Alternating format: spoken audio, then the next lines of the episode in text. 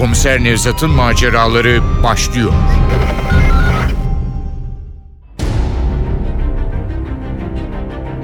Çalınan Ceset. Eser Ahmet Ümit. Radyoyu uyarlayan Safiye Kılıç. Seslendirenler Başkomiser Nevzat Nuri Gökaşan Komiser Muavini Ali Umut Tabak. İdil Berrak Kuş. Memduh Erkan Taşdöğen Nermin Gülen Karaman. Hasibe Hanım Funda Kıpçak. Mezar soyguncusu Tuna Öztunç. Hayri Dündar Müftüoğlu. Efektör Ufuk Tangel. Ses teknisyeni Saniye Tekinbaş. Yönetmen Aziz Acar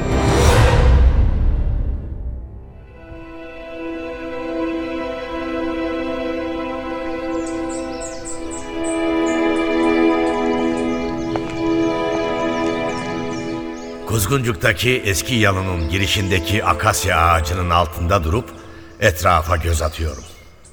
Bakışlarım sonbahar sabahını güzelleştiren iri güllerin, ağırbaşlı kasım patıların, uyuklayan akşam sefalarının üzerinde üzüntüyle geziniyor.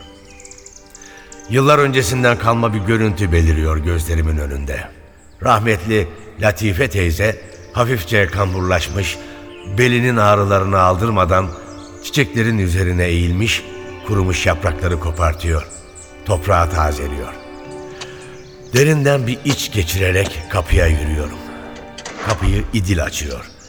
Dudaklarında içten bir gülümseme var ama yüzü hala gölgeli. Hoş geldin Nevzat amca diyerek içeriye buyur ediyor beni. Ön taraftaki terasa geçene kadar bir şey konuşmuyoruz. Terasta kahvaltı masası her zamanki yerine kurulmuş. Az mı kahvaltı ettim bu evde? Beni gören İdil'in amcası Memduh'la eşi Nermin ayağa kalkıp elimi sıkıyorlar. Denize bakan bir iskemleye yerleşiyorum. Kahvaltı için özel bir şey ister misin Nevzat abi? Oh, karnım tok ama sade bir kahveye hayır demem. Seni de buraya kadar yorduk Nevzat amca. Aa, bak böyle konuşursam bozuşuruz. Ee anlatın bakalım. Nedir sizi üzüntüye boğan iş? Annemin cesedi çalındı. Ne? Ne zaman? Vallahi ne zaman olduğunu bilmiyoruz. Dün öğleden sonra farkına vardık. Duymuşsundur. Babam çok sevdiği annesine projesini benim çizdiğim bir mezar yaptırmak istiyordu. Onun bu teklifini seve seve kabul ettim. Birkaç gündür de bir ustayla çalışıyoruz. Dün usta aradı. Ölünüz çalınmış dedi. Ölçü almak için mezara gitmiş. Mezarın yeniden kazıldığından kuşkulanmış. Durumu mezarlıktaki yetkililere bildirmiş. Mezarı açmışlar. Cesedin olmadığını görmüşler. Önce inanmadım ustanın söylediklerine. Hemen atlayıp mezarlığa gittim. Mezar gerçekten de boştu. Babaannemin ölüsü çalınmıştı. İdil anlatmakta zorlanıyor. Gözlerinin dolduğunu görüyorum. İdil bana telefon etti. Ben de mezarlıklar müdürlüğünü aradım. Önce atlatmaya kalktılar. Onları mahkemeye vereceğimi söyleyince özür dilediler. Bu tür olayların olduğunu, önüne geçemediklerini söylediler. Ne yapacağımızı bilemedik. Amerika'yı, Sezai abimi aradım. O da çok üzüldü. Keşke cenazeden sonra birkaç gün daha Türkiye'de kalsaydım diye yazıklandı. İkili görüşmeler olmasa uçağa atlayıp gelecek ama bilirsin devlet işleri. Sonra seni aramamı söyledi. Merak etmeyin. Onları bulacağız. Anlayamadığım bir ölüyü neden çalarlar ki? İşte kadavra olarak hastaneye satmak için. Aman Allah'ım. Merak etmeyin. Buna izin vermeyiz. Telefonumu çıkarıp yardımcım Ali'nin numarasını çeviriyorum. Alo, amirim siz misiniz? Evet benim Ali. Şimdi beni iyi dinle. Eyüp mezarlığından bir ceset çalınmış. Civardaki hastanelere git. Yeni gelen kadavra var mı? Kim kadavra getiriyor bir soruştur. Merkezde buluşalım. Köşkten İdil uğurluyor beni. Kapıdan çıkarken tanıdık bir yüz beliriyor karşımda. Emektar dadı Hasibe Hanım. Ama nedense gözlerindeki pırıltılar hiç de dostça değil. Bununla birlikte mi işlediniz cinayeti? O ne biçim söz Hasibe dadı? Nevzat amcayı tanımadın mı? Yaşlı kadın duraksıyor. Gözlerini yüzüme dikerek hatırlamaya çalışıyor. Ben Nevzat, Sezai'nin arkadaşı. Hani senin gül reçellerine musallat olan Nevzat. Nevzat Bey oğlum siz misiniz? Kusura bakmayın sizi onlardan biri sandım. Onlar da kim? Kötü bakışlarla İdil'i süzdükten sonra kolumdan tutarak bir köşeye çekiyor beni. Gel sana söyleyeceklerim var. Biraz yaşlı kadını kıramadığımdan ama daha çok merakımdan peşi sıra yürüyorum. Utanç, kaygı karışımı gözlerle beni izleyen İdil'e her şey yolunda gibilerinden işaret yapıyorum. O da boynunu bükerek durumu kabullendiğini gösteriyor. Bu kıza dikkat et. O bir katil. Anlayamadım. Yani İdil'in cinayet işlediğini mi söylüyorsun? Evet aynen öyle. İdil babaannesini Latife Hanım'ı öldürdü. Bakın Hasibe Hanım, bu çok ciddi bir iddia. Bundan emin misin? Eminim. Latife Hanım iki gün önce rüyamda söyledi bana. İlahi Hasibe Hanım. Hiç rüyanızda söylediler diye bir insan katil olmakla suçlanır mı? Rüya gerçek çıkarsa suçlanır. Rüyamda Latife Hanım'ın mezarının başındaydım. Birden mezar açıldı. Latife Hanım kefenini sıyırıp dışarı çıktı. Sen ölüsün, mezardan çıkamazsın dedim. Her zaman yaptığı gibi elimi tuttu. Ölü olduğumu biliyorum Hasibeciğim dedi. Katili yakalanmadan mezarda rahat yatamayacağını söyledi. Katil kim dedim? Torunum İdil dedi. Kanter içinde uyandım uykudan.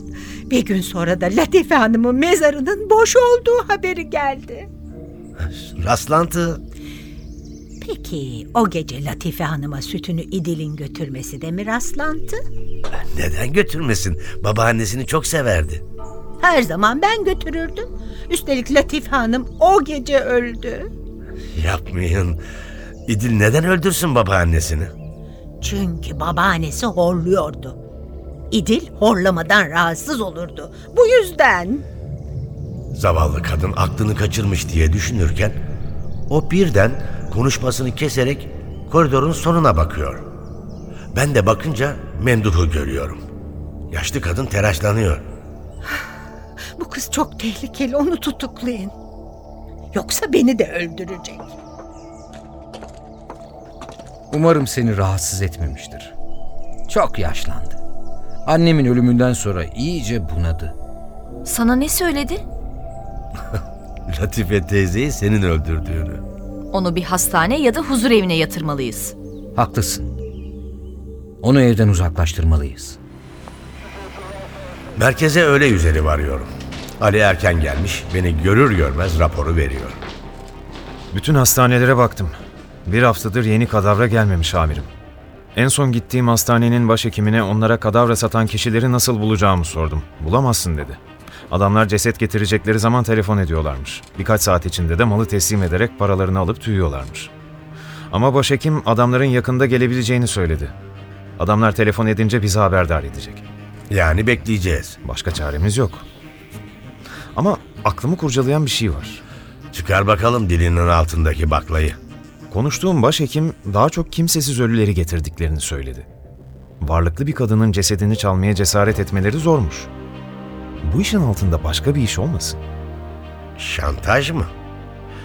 E, cesede karşılık para mı isteyecekler? Sanmıyorum. Öyle olsaydı şimdiye kadar çoktan ararlardı aileyi. Siz daha iyi bilirsiniz ama Latife Hanım'ın ölümü bir cinayet olmasın. Otopsi yapılmasını istemeyen biri. Hasibe Hanım'ın söyledikleri geliyor aklıma ama hemen kovuyorum bu düşünceleri. Saçma. Latife teyzeyi neden öldürsünler ki? Kim bilir Belki miras. Kadın varlıklı. Sanmıyorum. Akşam üzeri Sezai ile ortak dostumuz olan aile avukatı Nesim'e uğruyorum. Vasiyet var mı diye soruyorum, olmadığını söylüyor. Latife teyzenin mirası oğulları Memduh'la Sezai arasında bölüşülecekmiş. Bu bilgi Ali'nin kuşkularının yersiz olduğunu gösteriyor. İçim rahatlamış olarak ayrılıyorum Nesim'den. Artık yapılacak tek şey mezar hırsızlarının ortaya çıkmasını beklemek. Allah'tan fazla bekletmiyorlar bizi. Ertesi gün akşama doğru başhekim arıyor. Bu gece adamların bir teslimat yapacaklarını söylüyor. Şansımız varsa yapacakları teslimat Latife teyzenin cesedidir diye düşünüyorum. Bir saat sonra İdil arıyor. Bir gelişme olup olmadığını soruyor. Mezar farelerini tespit ettiğimizi, bu gece enseleyeceğimizi anlatıyorum, seviniyor. Hava kararmadan hastanede tertibat alıyoruz. Bir doktor gömleği giyerek bizzat ben yönetiyorum operasyonu. Mezar fareleri saat 11'de eski bir minibüsle arka kapıdan giriyorlar hastaneye. Ali telsizle minibüste iki kişi olduğunu bildiriyor. Minibüs morgun önünde durur durmaz kıvrak ele geçiriyoruz herifleri. Hemen minibüse atlıyorum. Arkada mavi naylona sarılmış bir ceset var. Umutla açıyorum kalın naylonu. Ama ne yazık ki içindeki ölü Latife teyze değil, yüzünün yarısı parçalanmış genç bir delikanlı. Yine de yitirmiyorum umudumu. Ne de olsa mezar farelerini ele geçirdik. Ama onları gören başhekim kendileriyle irtibat kuranın başka biri olduğunu söylüyor. Onu da yakalarız. Nasıl olsa ipin ucunu yakaladık. Adamları merkezde sorguya alıyoruz. İkisinin de dosyaları kabarık. Adam yaralamak, hırsızlık, ne ararsanız var. Önce inkar etmeye kalkıyorlar ama biraz sıkıştırınca bülbül gibi şakıyorlar. Elebaşlarının Durdu adında eski bir mezar kazıcısı olduğunu, Zeytinburnu'nda ikamet ettiğini söylüyorlar. Onlara Latife teyzenin cesedini soruyorum. Bir şey bilmediklerini söylüyorlar ama genç olanın heyecanlandığını fark ediyorum. Bu işi sen yapmışsın. Vallahi ben yapmadım abi. Ben o akşam hasta anamın yanındaydım. Kim yaptı peki? Söylemezsen suç senin üstüne kalır. Kimin yaptığını bilmiyorum. Ama Durdu abinin bir ölü çalmaktan söz ettiğini duydum. Kıyak iş. Bir mezar açacağım, dünyanın parasını kazanacağım diyordu. Latife Hanım'ın mezarını mı açacakmış? Kadının adı geçmedi. Ama açılacak mezar Eyüp'teymiş. Latife Hanım'ın mezarı da Eyüp'teydi. Ali ben söylemiştim dercesine bakıyor. Haklı ama yine de canımı sıkıyor bakışları. Üstelik işin aslını öğrenmek için önce Durdu'yu yakalamamız gerek. Bu akşam basıyoruz Zeytinburnu'ndaki eve ama Durdu yok. Babası Hayri'yi buluyoruz. Dut gibi sarhoş. Komşuları onu ayık görmediklerini söylüyorlar. Bir zamanlar ölü yıkayıcısıymış. Karısı onu bir marangoz için terk edince oğluyla baş başa kalmış. O da teselliyi alkolde bulmuş. Çocuk da mezar soyguncusu olup çıkmış. Oğlunu soruyoruz. Eve gelmediğini söylüyor. Sivil bir ekip bırakıp ayrılıyoruz Zeytinburnu'ndan. Gece yatakta dönüp duruyorum. Durduyu kim kiralamış olabilir? Hasibe Hanım'ın söyledikleri geliyor aklıma. Ama kadın bunamış. Onu ne kadar ciddiye alabilirim ki? Üstelik neden İdil babaannesini öldürsün? Gerçi Sezai kızının işlerinin yolunda olmadığını söylemişti. Bu yüzden iki ay önce yalıya taşınmış. Bir mimarlık şirketi kurmak için de babasından yüklüce para istemiş. Ama bir devlet memurunda o kadar para ne gezer? Babaanneden kalacak miras işini görürdü. Ama İdil bunun için cinayet işler mi? Sabah Ali'nin şok haberiyle uyanıyorum. Durdu ölü bulundu amirim. Nerede? Bağcılar'da patika bir yolda. Görgü tanıkları cipin çarpıp kaçtığını söylüyorlar. Cip mi? İdil'in külüstür cipi geliyor aklıma. Ben yalıya gideceğim. Sen bir yere ayrılma. İhtiyacım olabilir.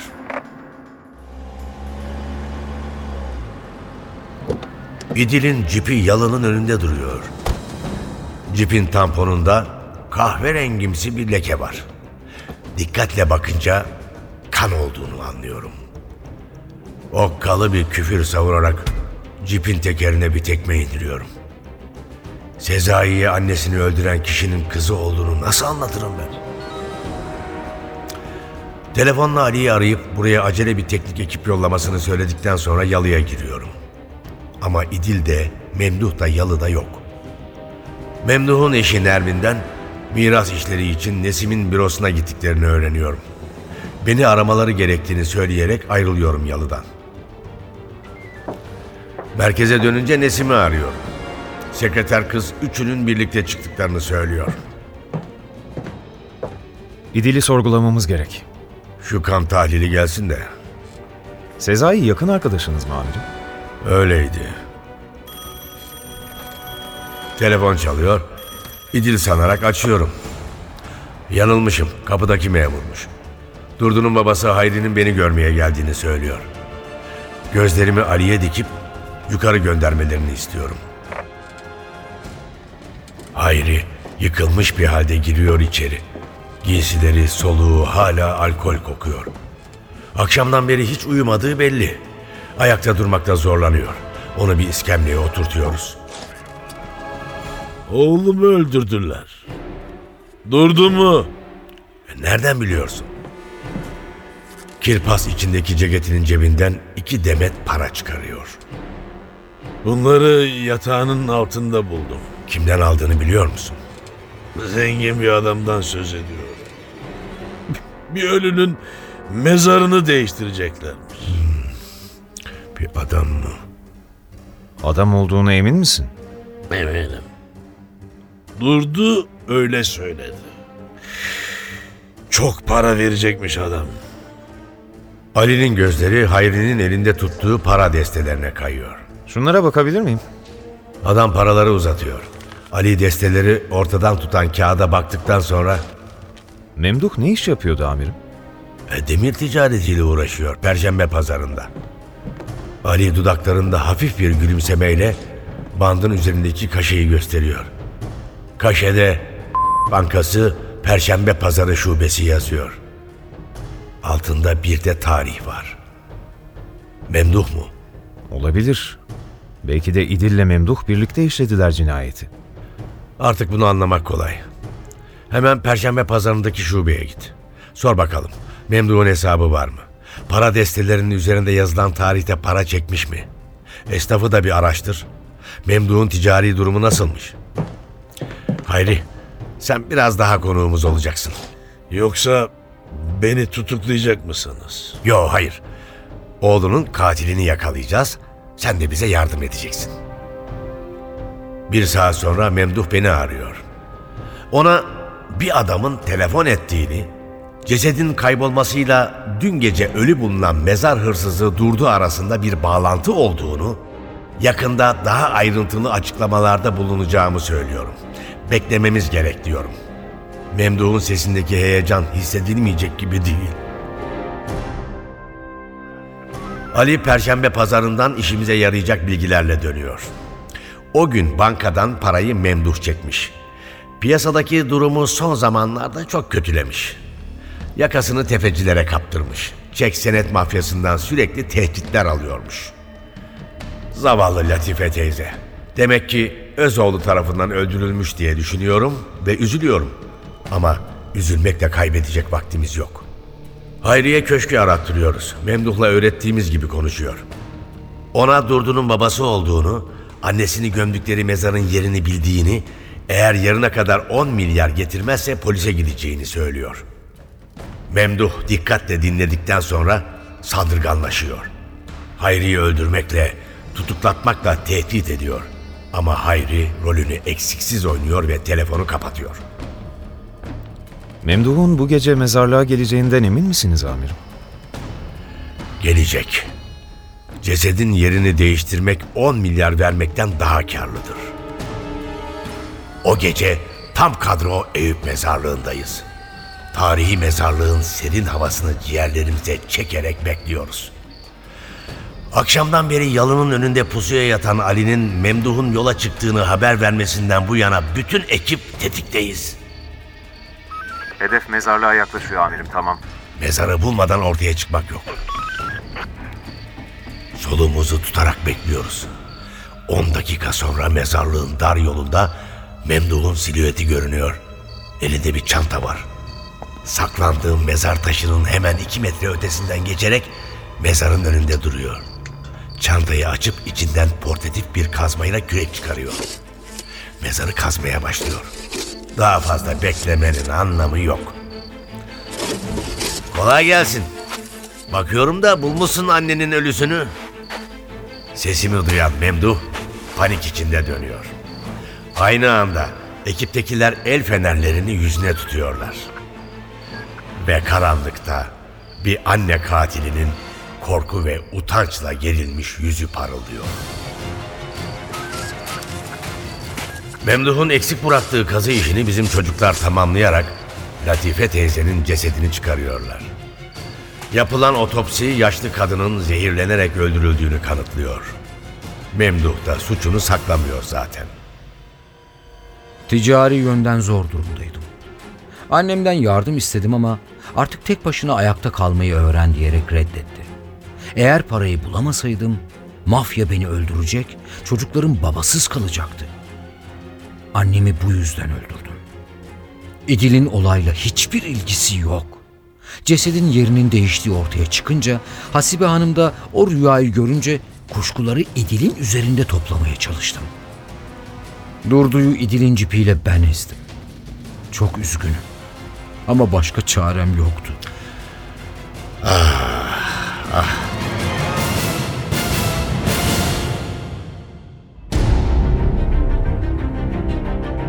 Çalınan Ceset Eser Ahmet Ümit. Radyoyu uyarlayan Safiye Kılıç. Seslendirenler Başkomiser Nevzat Nuri Gökaşan. Komiser Muavini Ali Umut Tabak. İdil Berrak Kuş. Memduh Erkan Taşdöğen. Nermin Gülen Karaman. Hasibe Hanım Funda Kıpçak. Mezar soyguncusu Tuna Öztunç Hayri Dündar Müftüoğlu. Efektör Ufuk Tangel. Ses Teknisyeni Saniye Tekinbaş. Yönetmen Aziz Acar.